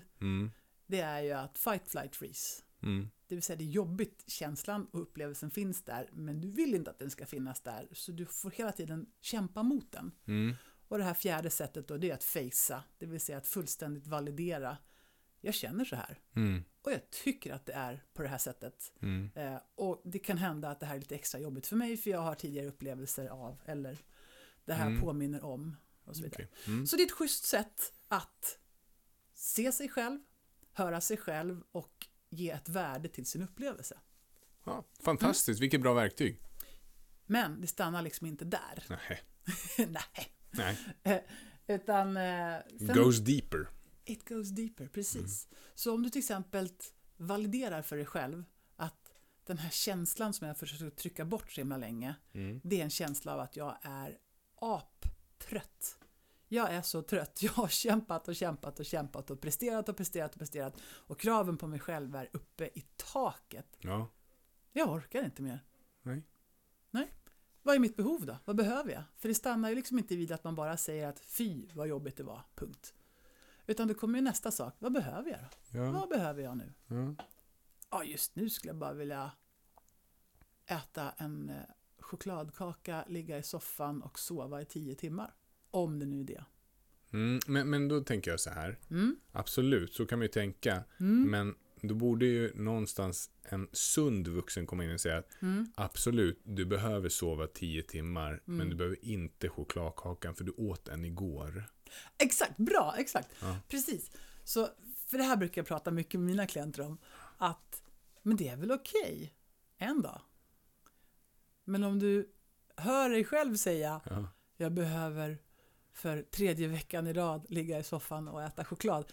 Då bör ju man kunna säga till sig själv, nej, vet du vännen, nu behövs det någonting annat här. Det är väl det som händer när, när man till slut lyckas med en förändring. Det är att den sunda vuxna kommer in. Jag berättade i tidigare avsnitt om det här med, med alkoholstoppet för mig och godisstoppet. Det är Mm. ju också på något sätt en sunda vuxna som kommer in och säger, vet du, Mm.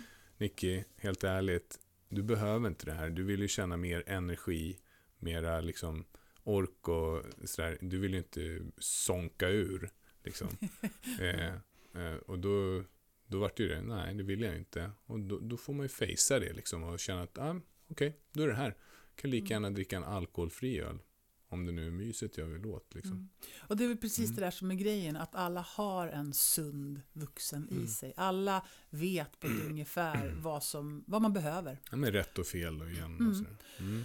Men det är en konst att lyssna på sina behov, acceptera att de faktiskt finns där, alltså Mm. ge dem ett värde Mm. och sen försöka se vad är det jag behöver Mm.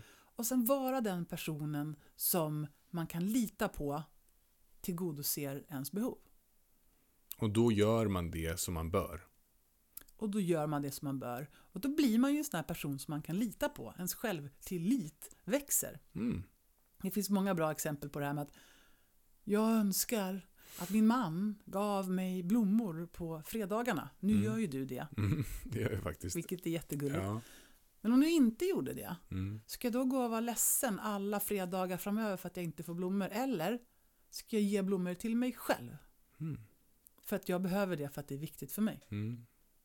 Till exempel. Det var ett litet exempel. Mm. Men det finns ju tusen exempel på att man då ser sina känslor och behov Mm. och också tillgodos eh, tillgodoser dem. Alltså se till att det blir gjort. På ett bra sätt, på ett sunt sätt och ett balanserat sätt. Jag tänkte på en sak, att eh, när jag gjorde lumpen Mm. så hade vi en, det är ju alla som gjort lumpen känner ju till stopp, tror jag. Stoppregeln. Okej. Och det är då att man tänker, om man har kommit vilse i överlevnadssituationer så pratar man om stopp, det vill säga Mm. stanna upp, tänk efter, Mhm. orientera, Mm. planera. Den är ju lika bra som soul. Eller tycker jag. hur? Ja, verkligen. Ja. Så då är det, det är samma grej. Förut- Stanna upp, Mm, stanna upp och kolla. liksom, tänk efter, orientera och planera. Ja, Ja, Det är ju är lika bra. Den är Ja, jätte, jättebra. förutom acceptans finns inte där då. Eh. Orientera är ju lite grann acceptans på ett sätt. Ja, men det är ju samma som observera, Mm. tänker jag. Ja, Ja, ja. okej. Men i alla Mm. fall, det var bara något som slog mig. Att det är en ganska Mm. intressant akronym också. Man kan Mm. tänka, stopp! Och så stannar man upp och så gör man det och så planerar. Så kanske man lägger på det där soul. Ja, ja, det var ett snedspår. Eh, det är otroligt intressant att höra dig berätta om hela den här eh, det här verktyget och det här med lilla och stora jaget och sunda vuxna och sånt. Jag tycker det är superfascinerande. Mm. Jag vill Ja. nämna också att eh, det här är, eh, i min tur så är det här taget av behovsgruppen som, eh, som jag gick på under min utbildning till KBT-terapeut så Mm. gick jag i en herrans massa timmar egenterapi, för det Mm. ingår nämligen. Mm. Och då jobbade vi tillsammans med en duktig tjej som heter Eva Barkman. Mm. Så den här modellen har jag fått lära mig då av henne och jag har sedan använt den väldigt mycket sedan dess och den är superintressant. Mm. Det som också finns på den här modellen då, det är att just det här att om man är bara i sina copingstrategier, Mm. då betyder det att man använder fight, flight, freeze för att slippa liksom känna. Och när man inte får kontakt med sina känslor och behov, Mm. då kan det ju hända att det här leder till somatisering, det vill säga det sätter sig i kroppen i form av stress, huvudvärk, utbrändhet, ångest, depression, panikkänslor, värk, sömnproblem Okej. och andra saker. Mm. Mm. Okej. Så att det finns en stor poäng i att bli en fena på att stanna upp och känna efter. Och Mm. ja, det kan vara jobbigt, visst kan Mm. det vara det. Mm. Mm. Eh, en annan grej som dök upp hos mig, det var det här när du sa så att man, ah, man kan föreställa sig att, eh, att man har ett litet jag och ett stort jag och sådär. Så Mm. tänkte jag så här, fan, vad är det man ska vara rädd för? Det är bara våra tankar. Alltså vi kan fantisera om vad som helst. Mhm. Det är bara, det är bara ja, varför inte använda fantasin? Låtsas som om det vore på riktigt. Och se Mhm. vad som händer. Var nyfiken. Mycket av de förändringar vi gör i vårt huvud Mm. handlar ju om att vi på ett eller annat sätt behöver förändra våra tankar. Och det har vi full makt att göra själva. Alltså du, du kan ju välja, välja ut vilket minne du, som helst som du har, typ av en situation när du var liten, ett minnesfragment av när du lekte i sandlådan där du alltid brukade leka. Men så gör du plötsligt sanden röd. Mm, då blir den det. Och sen så håller ju, eh, om du nu hade en kompis som heter Patrik, han håller en blå spade i ditt minne. Ändrar det till en röd. Plupp, så blir den röd. Du kan förändra dina tankar helt och hållet själv. Alltså kan vi också tänka i de här mönstren som du har givit oss nu med stora och lilla, eh, alltså vuxna sunda och lilla barnet och så med behov. Mm. För att hjärnan som då tänker i bilder blir automatiskt påverkad av det här, vilket kan påverka vårt medvetande som påverkar vårt liv. Mm. Precis, hjärnan älskar bilder Mm. och om man vill nu så kan man gärna använda sig av den här modellen. Mm. Kommer lägga ut det på, på bloggen kanske? Vi kan lägga ut det på bloggen Ja. som en liten hjälpbild. Mm. Eh, så vi har, ja, Ja. vi har den stora, vi har den lilla. På den storas axel så sitter de här eh, krävande och ibland straffande delarna. Vi vill Mm. inte ha några straffande delar och vi vill se till att de krävande delarna hos oss håller sig på mattan lite grann. Det vill Mm. säga träder in som en hjälp men inte som en stjälp. Nej. Och sen har vi då, om man tänker barnjaget så står för mer av känslor och behov. Mm. Och det här vuxenjaget som är lite mera tankar, beteenden och plikter. Och tillsammans så utgör de ju en fantastisk helhet när de får hålla varandra i handen och samspela. Mm. Och när man behöver så kan man zooma ut och inta den här sunda vuxna positionen som ser klart och tydligt och nyktert på situationen. Mm. Ser känslorna, validerar dem och radar upp vad det är man behöver. Och så till att tillgodose de behoven oavsett om de är fysiska, psykologiska, känslomässiga eller relationella. Var din egna bästa vän. Mm. Det här är väl ett bra exempel på self-compassion. Mm. Det är det verkligen. Och sen är det ju så här, man kan försöka göra det här för andra också. Mm. Och det man behöver göra då det är att vara öppen och fråga. Och liksom inte ha förutfattade meningar eller döma andra människor eller tro att man vet bättre än andra människor. Utan fråga och lita på att alla har en inneboende intelligens. Ja. Använd sokratiska frågor. Där man får tänka efter lite kanske, men bli inte för nördig i det. Eller hur? Den är spännande alltid. Ja. Det, Det är svårt att lära sig tycker jag. Kom ihåg det. Man skulle träna på att inte ställa frågor som gick att besvara med ja och nej. Ja. Så här, "Åh, åh, nej, vänta. Ja, men man börjar med de sex kompisarna. När, Mm. var, vem, var, hur, varför. Varför får man vara försiktig med. Det är lite, Varför är inte alltid en Edgig. så bra fråga? nej precis. Men så kan man fråga på vilket sätt. Eller vad vill du istället? Mm. Och sådär. Så det, det är bra frågor. Ja. Men så, du, Ja, ja. Mm. Kör. Vad har vi sagt nu då? Ja, vi har pratat om validering och reglering enligt den här modellen. Ja, Mm. vad, vad tänker du nu då? Har du blivit något klokare på dina frågor? Eh, ja, faktiskt. Ja. Jag frågade ju varför gör vi som vi gör och inte som vi bör? Ja. Och då, då finns det ju en väldigt tydlig liksom, svar på det där. Det är ju att Mm. vi styrs av de här olika eh, delarna inom oss. Och på något sätt så är det en liten fight där och vi behöver då validera, alltså vi behöver se oss själva Mm. eh, och möta våra behov på ett sunt sätt. Mm. Och, och då kan vi bryta den här automatiseringsprocessen. Autopiloten blir liksom upplåst. Och så Mm. kan du själv välja ut kursen. Och det som är lite jobbigt då, Mm. det är att vi blir trygg med Mm. det vi gör ofta. Det vi gör ofta blir vi bra på, så det känns som en trygghet. Och då kan det ibland vara så här att man växer upp under Mm. väldigt destruktiva förhållanden. Mm. Låt oss säga att du växer upp med någon som behandlar dig ganska dåligt. Mm. Det är ingen behaglig upplevelse. Men det är trots allt tryggt. Därför att du känner igen det. Ja. Så det finns en möjlighet att du hamnar, när du kommer ifrån den som har behandlat dig dåligt, Mm. låt oss säga att det är en mamma eller en pappa. Då finns det en möjlighet att du hamnar i en sån situation igen. Mm. Inte för att det är bra, men för att du känner igen dig. Det känns tryggt, det känns bekant. Det här kan jag, det här kan jag förhålla mig till. Vad bra att så bekant, för att jag, Mm. jag tycker svenskan är lite platt ibland. Mm. Alltså man säger det känns tryggt. Nej, det gör det. Det känns allt annat än tryggt. Mm. Men det är bekant. Mm, det är bekant. Och Och det är ett hjärnan, mönster. exakt, hjärnan gillar ju mönster. Den gillar att känna igen saker. Mm. Så då, för då blir det inget hot plötsligt Precis. i hjärnresponsen. Men det är inte tryggt. Nej, men det är det här att vi gillar autopiloter och vi gillar mönster och vi Mm. gillar när saker och ting upprepar sig. Och Mm. om du har tränat väldigt länge på att vara den här personen som är undfallande, Mm. då är det kanske lättare än att steppa in i en roll som du inte alls är van med, nämligen en som sätter ner foten och säger ifrån. Just det. Ja. Men du, så vad är det övergripande målet med det här då, som vi har pratat om? Det är ju igen att prata mer om fakta, sprida kunskap om hur vi människor fungerar, så att alla har mer underlag för att göra bättre val. Mm.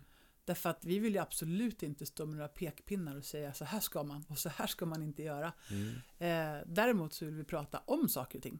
Just det. Filosofera om saker och ting. Och ibland, vi brukar prata om de här hundra orden. Aha. Ja, att man pratar med en människa Mm. och man kanske säger 100 ord. 99 ord går liksom in och ut. Men så är det ett ord som slår an hos en människa. Det där du sa. Och då kan hon komma tillbaka och säga Du sa till mig för tio år sedan. Och då kan jag svara så här. Va? Gjorde jag? Ja, men det kan ju också vara så att jag var och träffade en PT idag Mm. och hon sa att jag ska äta tre gånger om dagen. Mm. Och man bara, ja, jag har sagt det till dig hundra gånger. Mm. Men så säger den här personen det på ett lite annorlunda sätt. Mm. Och plötsligt så är det nyckeln. Exakt. Och det spelar ingen roll vem som säger Nej. det. Själva grejen är att någon gång i livet Mm. så är man precis, precis redo för att höra det där ordet. Mm. Och då går det in. Det där har ju hänt förut att man har, spännande. man har ja. läst en bok och bara jaha, ja, ja, ja, spännande. Så går det tio år och så läser man den här boken igen och man får en helt annan känsla därför att man är på en helt annan plats i livet. Ja, vi pratade om Veronica bestämmer sig för dö i förra avsnittet. Mm. Och eh, jag eh, började lyssna på den igen nu. Ja, På Storytel. Den finns bara på engelska. Jag har, bara eh, jag läst den på svenska tidigare. okej. Då bara, "Åh, wow, jaha, Ja. jaha, jaha, Slovenien och Ja. Ljubljana. Jag bara, mm, det är så mycket saker som faller på plats. Då plötsligt, åh, nu vart den ännu bättre så kan jag lyssna klart Ja. på den.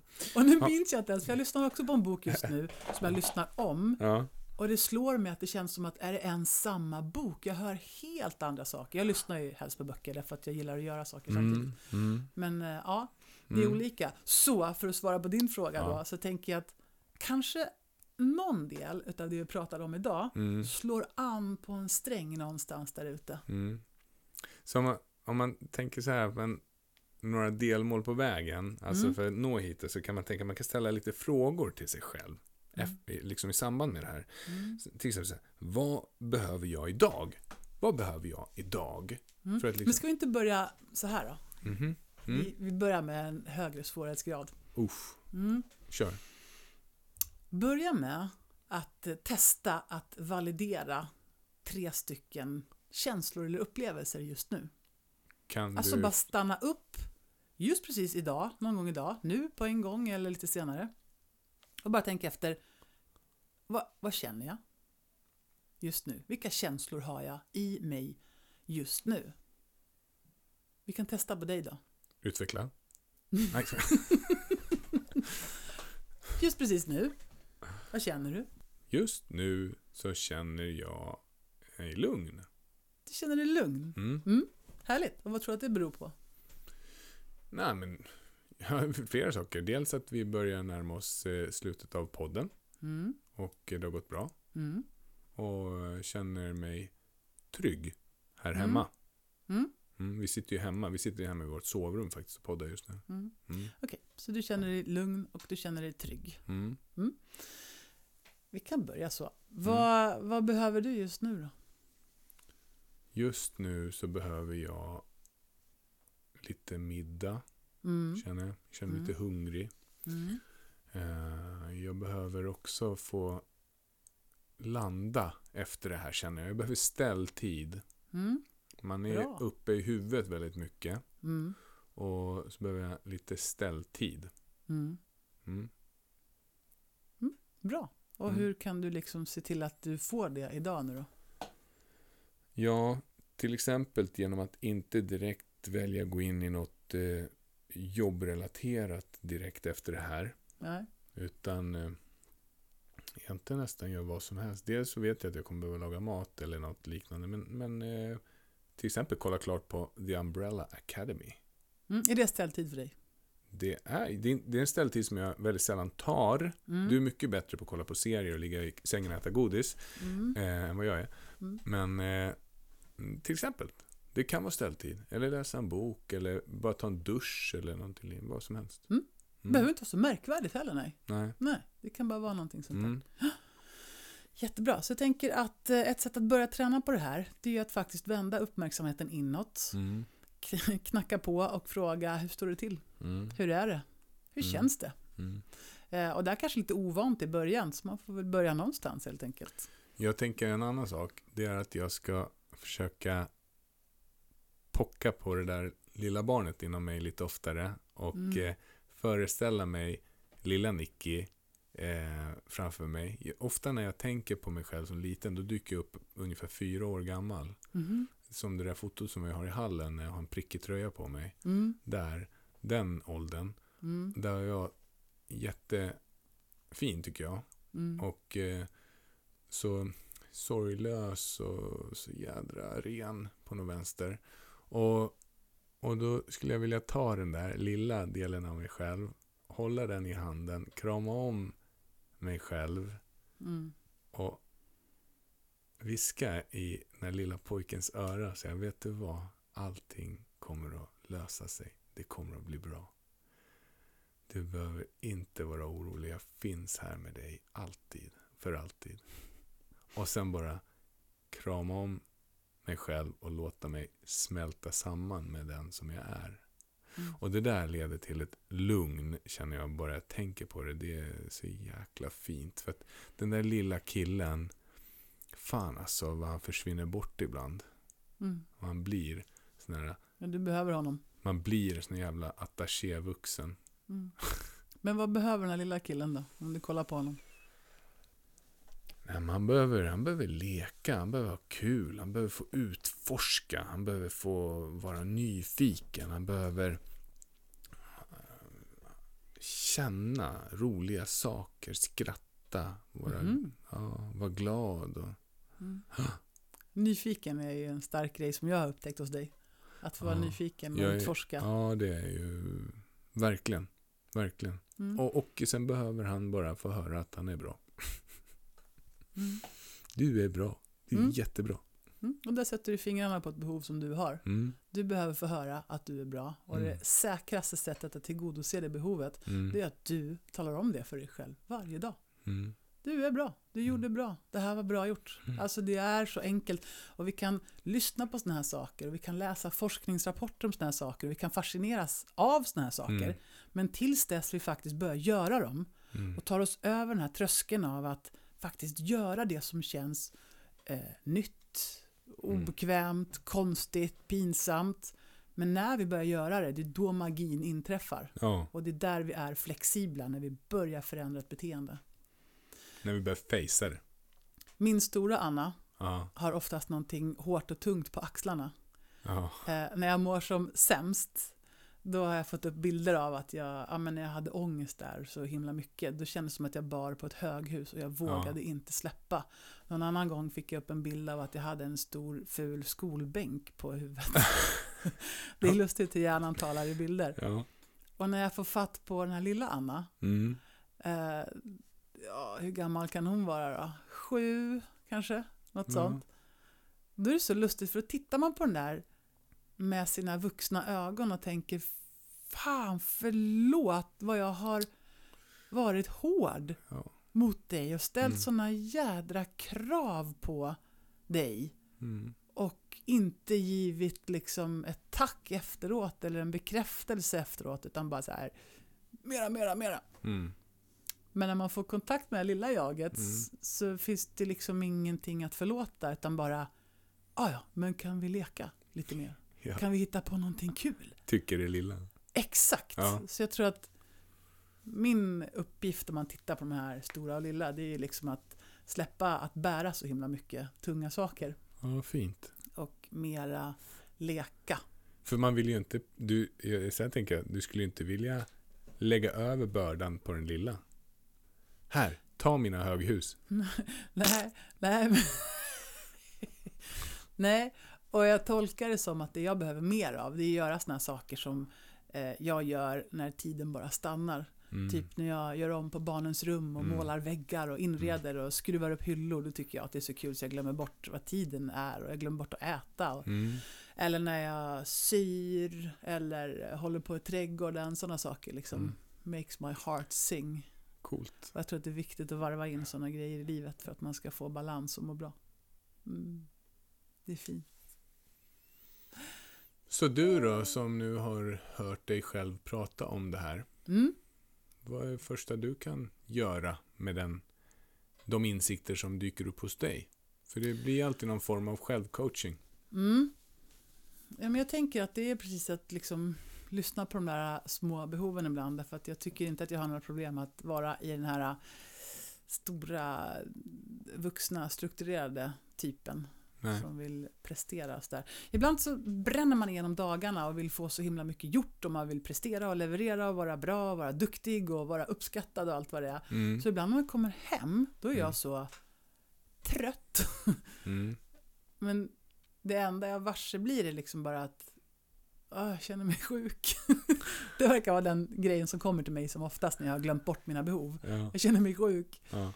Och då ibland har jag gått upp i sovrummet, Mm. lagt mig på sängen och liksom bara andats. Mm. Och då har jag blivit förvånad över att ibland så räcker det att göra precis bara det. Bara gå upp, vara helt stilla och andas i typ fem minuter. Så mår Ja. jag bra igen. Minska, det- minska signalerna in i systemet liksom. Ja, så bara landa. Alla Bara andra. landa liksom. Mm. Pausa. Andetagen är också väldigt bra. Djupa Ja. andetag. Grym. Vad Mm. fint. Mm. Mm. Fint att prata om. Ja, verkligen. Så vad Det här var vårt tionde avsnitt. Helt jag tycker det är dags att runda av. Jag verkligen. hoppas att de som lyssnar har tyckt att det här har varit spännande. Mm. Eller chockerande. Hur Mm. kan man stå och prata om den stora och den lilla? Ja, det tycker vissa är kul. Jag tror inte det kommer vara så chockerande faktiskt. Nej. det är ett fascinerande verktyg att jobba med och för er som är mer nyfikna så kom till mig vet jag så gör vi det tillsammans. Det är en, det är en fascinerande upplevelse att titta Ja. på de här olika delarna och få förståelse för det och hitta sina egna styrkor och Verkligen. sårbarheter och lösningar. Vi sa ju att från början sa vi att man skulle ta med en modell.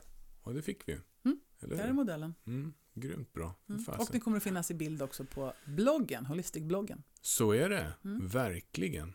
Nu tycker jag vi signar ut Mm. och påminner en gång till om att om man känner sig nyfiken på att uppleva ett magiskt dygn på ett Mm. jätte, jättefint ställe, då tycker jag man ska komma på Holistic Weekend 3-4 maj. Mm. Och många har sagt så här, nej jag kan inte då, kommer ni göra det igen? Mm. Självklart kommer vi göra det igen, men just nu så är det den här gången som gäller. Mm. Sen kanske vi kör i höst. Om man undrar vad värdet på det här är så är det den känslan du kommer ta med dig. Den är så himla värdefull. Det kommer vara så skönt och fint och det är som en liten ett smyckeskrin av goda känslor som du kan ta med dig och som du kan öppna och titta på när helst du behöver lite extra energi. Mm, det räcker länge. Ja, det kommer räcka länge. Det gör det. Så, eh, fasen. Bra jobbat Anna. Bra jobbat Nicky. Mm, ska vi säga. Jag tycker det är fint. Nu drar vi. Hej då! Vi ses om en vecka. Hej då! Om ni vill veta mer om oss så kan ni följa oss på sociala medier. Ni söker upp oss på Form Holistic helt enkelt, på Instagram, LinkedIn och Facebook. På LinkedIn får ni jättegärna följa vår företagssida, Form Holistic Leadership. Där kommer det upp lite fakta och lite information titt som tätt. Och tveka absolut inte att kontakta oss om du vill ha hjälp av oss med hjälp av, eh, i form av föredrag eller föreläsningar eller kurser. Vi kommer så gärna ut till er och gör det här. Ha det bra.